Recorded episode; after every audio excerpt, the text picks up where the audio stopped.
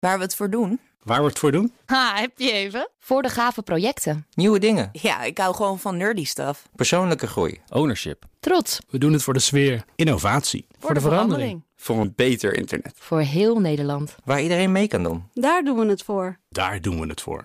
Waar doe jij het voor? Kom werken voor KPN en groei op jouw manier. Check de actuele vacatures op het gebied van data, security, development en networking op jobs.kpn.com/tech.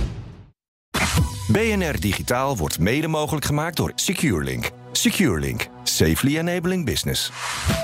BNR Nieuwsradio. BNR Digitaal. Herbert Blankenstein. Moeten we vrezen voor een uploadfilter waar uh, alles wat je op internet zet van tevoren wordt gecontroleerd op mogelijke auteursrechten schendingen?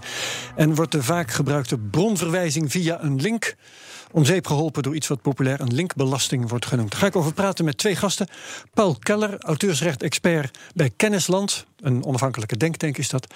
En Stefan Gompel, onderzoeker en docent gespecialiseerd in auteursrecht bij het Instituut voor Informatierecht, IVER van de Universiteit van Amsterdam. Allebei hartelijk welkom. Maar voordat ik met jullie ga praten, heb ik nu eerst even kort contact met D66-Europarlementariër Marietje Schaken. Die uh, juridische commissie van het Europees Parlement heeft een voorstel voor uh, deze richtlijn, is het eigenlijk nu aangenomen.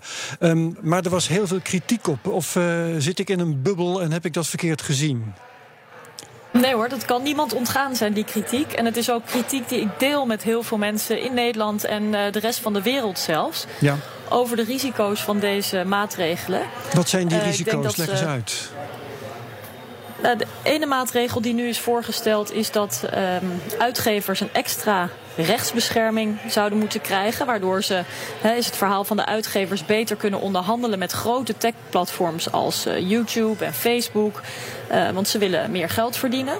En dat komt natuurlijk heel erg uit voort uit de discussie over ja, hoe betalen we kwaliteitsjournalistiek en hoe gaan we uh, nepnieuws en disinformatie ja, tegen. Dus en dat vind ik ook allemaal hele goede doelen. Ja, ja absoluut. Uh, alleen het auteursrecht en strengere auteursrechtbescherming en handhaving zijn naar mijn mening niet de oplossing. En ook als we kijken naar eerdere zaken voor het Europees Hof, dan zie je dat de balans tussen strenger auteursrecht, maar ook fundamentele rechten zoals vrijheid van meningsuiting, uh, toegang tot informatie, natuurlijk wel gewogen moeten worden. Dus ik denk dat hiermee verkeerde maatregelen worden genomen. En ik had het liever anders gezien. Ja, uh, verwacht jij dat, uh, want vroeg of laat gaat dit terechtkomen bij het Europarlement, dat uiteindelijk het Europarlement er dan toch een stokje voor gaat steken? Nou, dit was natuurlijk een stemming in de juridische zakencommissie in het Europees Parlement. En het gehele parlement moet er nu nog over stemmen. wij zijn al lang bezig met een groep parlementariërs uit verschillende commissies die hier bezorgd over zijn. En we zullen daar absoluut mee doorgaan. Zeker na deze teleurstellende en zorgwekkende stemming vandaag. Dus dat doen we zeker. Het laatste woord is nog niet gezegd. Maar ja, zo'n stemming is natuurlijk wel een indicatie van waar uh, andere parlementariërs uh, naar neigen. Ja, goed. Uh, we gaan het van harte volgen de komende tijd. Bedankt voor dit commentaar rechtstreeks vanuit Brussel. Marietje Schaken praat nu verder met Stefan Gompel van de UvA en Paul Keller van Kennisland. Eerst maar even het auteursrecht zelf. De huidige wet komt uit 1912. Paul Keller, ik vraag het maar even aan jou. Um, die is wel wat aangepast in de tussentijd, in de afgelopen eeuw. Is hij nu onhoudbaar aan vernieuwing toe? Moet er echt wat gebeuren of kan hij eigenlijk best nog mee? Ja, in principe is uh, het onderliggend idee dat auteurs uh, hun rechten beschermd zijn, uh, niks mis mee.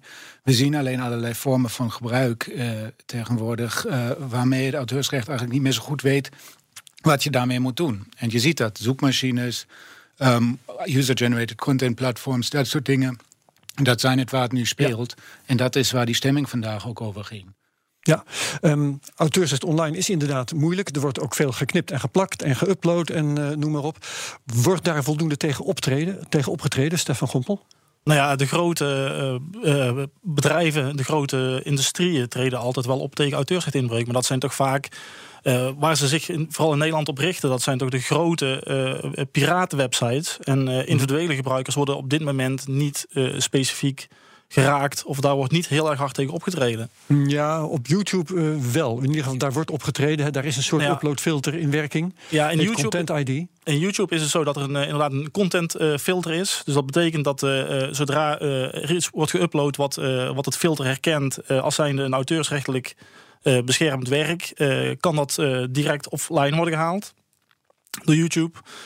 Ehm, en vervolgens daarnaast is ook nog een, eh, een, een notice en takedown systeem. Dus als een rechthebbende signaleert van er is toch iets door dat filter geslipt, zou dat ook nog uh, aan YouTube gemeld kunnen worden. En vervolgens Achteraf. achteraf. Ja, en dat geldt niet alleen voor YouTube, maar ook voor alle sites eigenlijk waar je kunt uploaden. Hè. Juist. Is dat voldoende? Ehm, ik denk uh, van wel. In zoverre um, een, een, een notice en takedown systeem is in elk geval een, een, een vrij fair systeem. In zoverre dat um, uh, je laat voldoende vrijheid vooraf uh, om, om voor mensen om, om wat te, te, ontwikkelen. Het is ook nodig omdat er eigenlijk weinig beperkingen zijn die, die, die normale gebruikers in staat stellen om wat te kunnen doen. Dus ze hoeven niet per se vooraf, maar dat er dus wel een controle uh, is door, ja. de, door de industrieën. Dat kan ik me voorstellen. Daarbij komt ook nog wel dat vooral bij uh, uh, sites als YouTube, dat de grote um, collecting societies zoals Buma wel licenties hebben gesloten met Buma, dat eigenlijk ook grote delen van muziek wel, wel degelijk op YouTube kunnen blijven ja, staan. Er wordt dus het nodige vergoed aan auteursrechten in ieder geval. Kijk even naar Ralf Monen. Uh, jij zit uh, mijn backup vandaag uit de IT-wereld uh, in, de, in de security.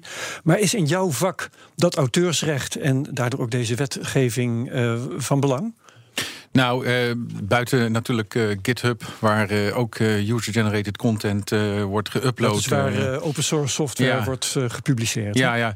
ja, kijk, voor onszelf is het niet zo'n hele groot issue. Um, voor sommige van onze klanten echter wel. Um, maar wat je daar ziet is dat, dat die contentfilters, die zijn technisch heel complex. de meesten krijgen het al niet eens voor elkaar om malware uit hun content te filteren. En dat is toch een heel stuk makkelijker dan het identificeren van copyrighted content. Um, en daarbij de treden wat wij noemen heel veel false positives op. Dus dat betekent dat een systeem denkt dat het iets fouts is, dat maar, dat, maar dat is het niet. Ja, Hè? ja. Um, en dat kan ook misbruikt worden. Hè? Ik bedoel, de gevallen zijn heel bekend waarbij mensen bij YouTube uh, uh, worden gecensureerd door een partij die, die hun mening niet aanstaat, door zo'n no takedown notice op te sturen. Zelfs opzettelijk. Uh, ja, ja, precies. En, en, en ook artiesten die zelf hun muziek daar neerzetten, dat wordt gefilterd. Want ze zegt van dat is copyrighted. Ja, dat is zo, maar dat is mijn muziek. Ja, allerlei mogelijkheden waarbij dat systeem de mist in kan gaan. Ja. Een uploadfilter en een linkbelasting, zo worden de twee meest omstreden onderdelen van de voorgestelde auteursrechtenwet genoemd. Richtlijn moet ik zeggen. Er is veel weerstand, maar vandaag is door de juridische commissie van het Europees Parlement het voorstel aangenomen. Ik praat over met Stef van Gompel van de UVA en Paul Keller van Kennisland.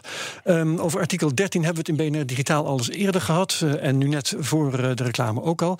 Een uploadfilter. Content die geüpload wordt, moet van tevoren worden gescand op inbreuken van het auteursrecht. Um, individuele fotografen en andere kleine creatieve mensen, denk aan, uh, aan YouTubers, die zullen daar toch blij mee zijn. Want die hebben veel last van, van illegaal gebruik van hun werk. Paul Keller.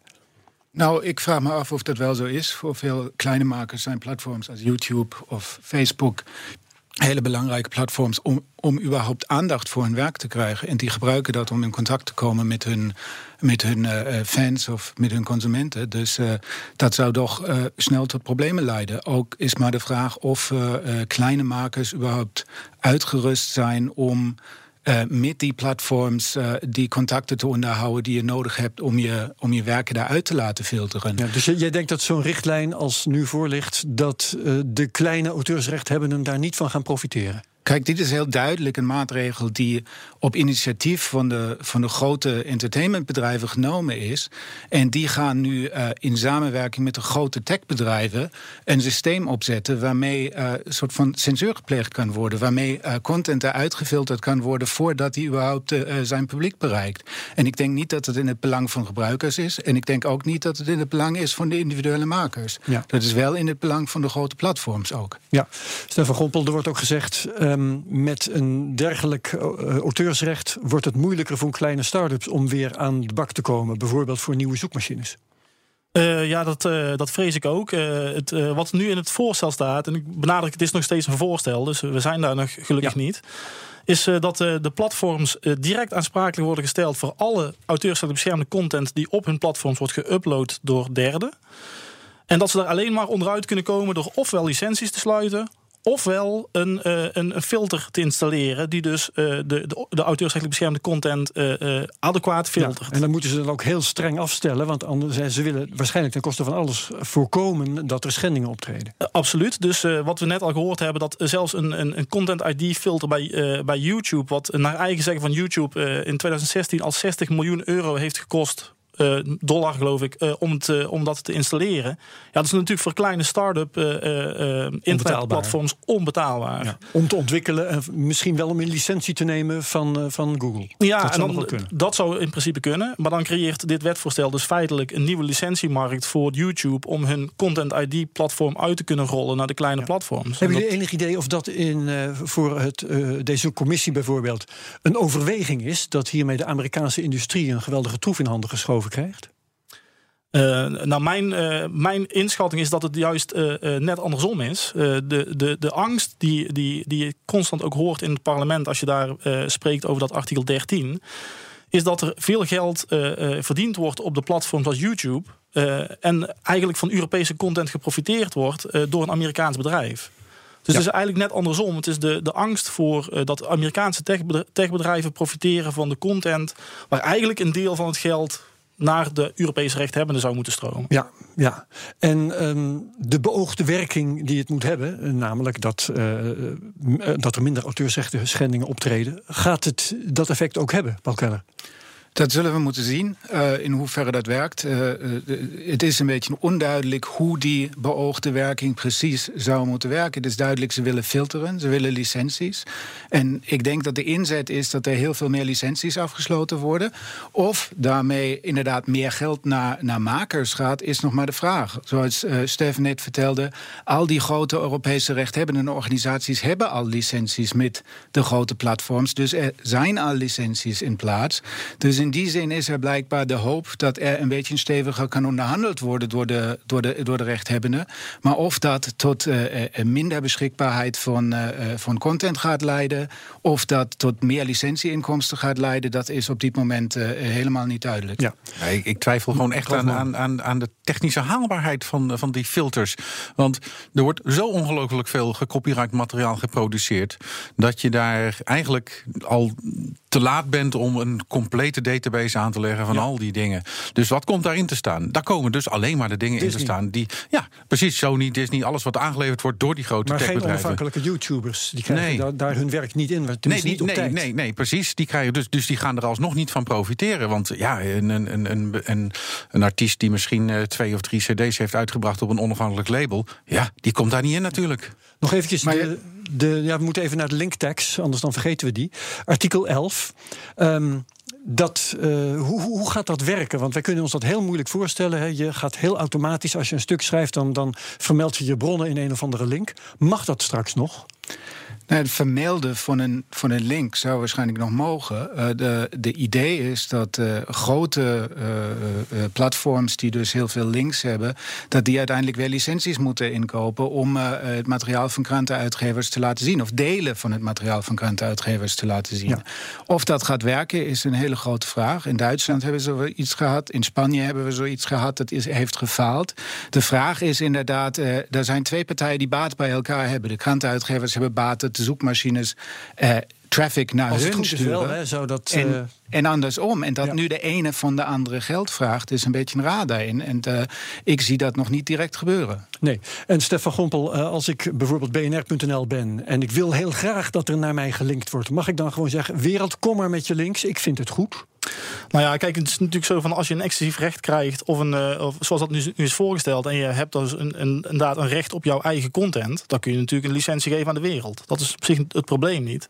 Het probleem is natuurlijk wel als jij als uh, uh, BNR Nieuwsradio een, een, een stukje, een, een, klein stukje wilt overnemen uit een persbericht of wat een, een perspublicatie, dan zou het kunnen zijn dat je daar in de toekomst dus toestemming voor moet vragen. Ja. Um, het, uh, het wetsvoorstel is namelijk zo uh, ruim opgesteld. Het, het, geeft hele brede exclusieve rechten aan, uh, aan persuitgevers die totaal niet beperkt zijn tot het gebruik van hun snippets op de nieuwsaggregators.